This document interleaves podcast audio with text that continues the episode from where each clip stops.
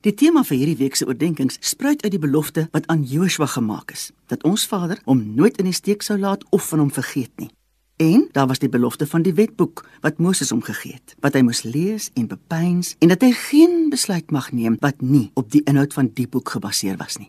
Maar nou wil ek vandag stil staan by nog 'n geloofsvader wat soos Abraham nooit eers geweet het dat daar eendag iets soos 'n wetboek sou bestaan nie. Die man was Noag. Om Noag se verhouding met God te verstaan, moet mens net een trappie teruggee na een van sy voorvaders, Henog. Genesis 5 vers 24 gee verslag. En Henog het met God gewandel en hy was daar nie meer nie, want God het hom weggeneem. Die man Henog het so 'n intieme verhouding met ons Vader gehad dat hy nie eers gesterf het nie. Vader het hom net kom haal. En dan lees mens in Genesis 6 vers 9. Dit is die geskiedenis van Noag. Noag was 'n regverdige man, opreg onder sy tydgenote. Noag het met God gewandel. Nou maar ons onthou dat in die tyd wat Noag geleef het, was die mensdom so boos dat die Here God dit nodig gevind het om almal tot niet te maak, behalwe Noag en sy gesin. As ons lees dat Noag 'n regverdige en opregte man was, sê dit iets van sy karakter. Sou dit wees waarom hy met God gewandel het of het sy wandel sy karakter beïnvloed? Ook Noag het dus vanuit 'n intieme verhouding met die Skepper God geleef. Dit moes wees Hy het immers 'n 100 jaar lank gebou aan die ark en dit reg gekry. Daar was twee elemente wat hierdie projek kon laat slaag.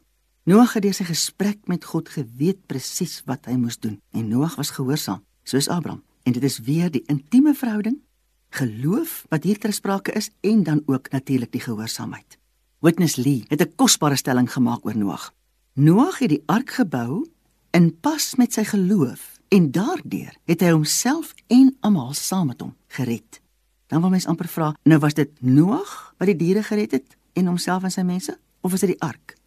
Nee, Noag se geloof wat hy in gehoorsaamheid toegepas het. Ons is bevoorreg om vandag die Bybel te hê, maar sonder 'n intieme verhouding met die Almagtige en sonder gehoorsaamheid aan die aktiewe geloof wat kom uit hierdie verhouding, bly die boodskap van die boek letters op 'n bladsy. Hemelse Vader, mag hierdie waarheid in ons harte val en dat elkeen van ons sal soek om intiem met U te verkeer tot gehoorsaamheid wat spruit uit geloof. Amen.